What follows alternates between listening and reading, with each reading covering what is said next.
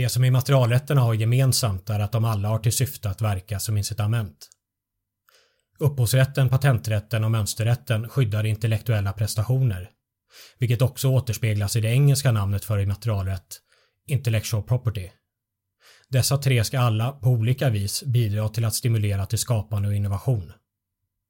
Varumärkesrätten ska istället skapa förutsättningar för en fungerande konkurrens på marknaden genom att företag ska kunna använda sig av symboler som visar att deras varor och tjänster härstammar från just deras företag.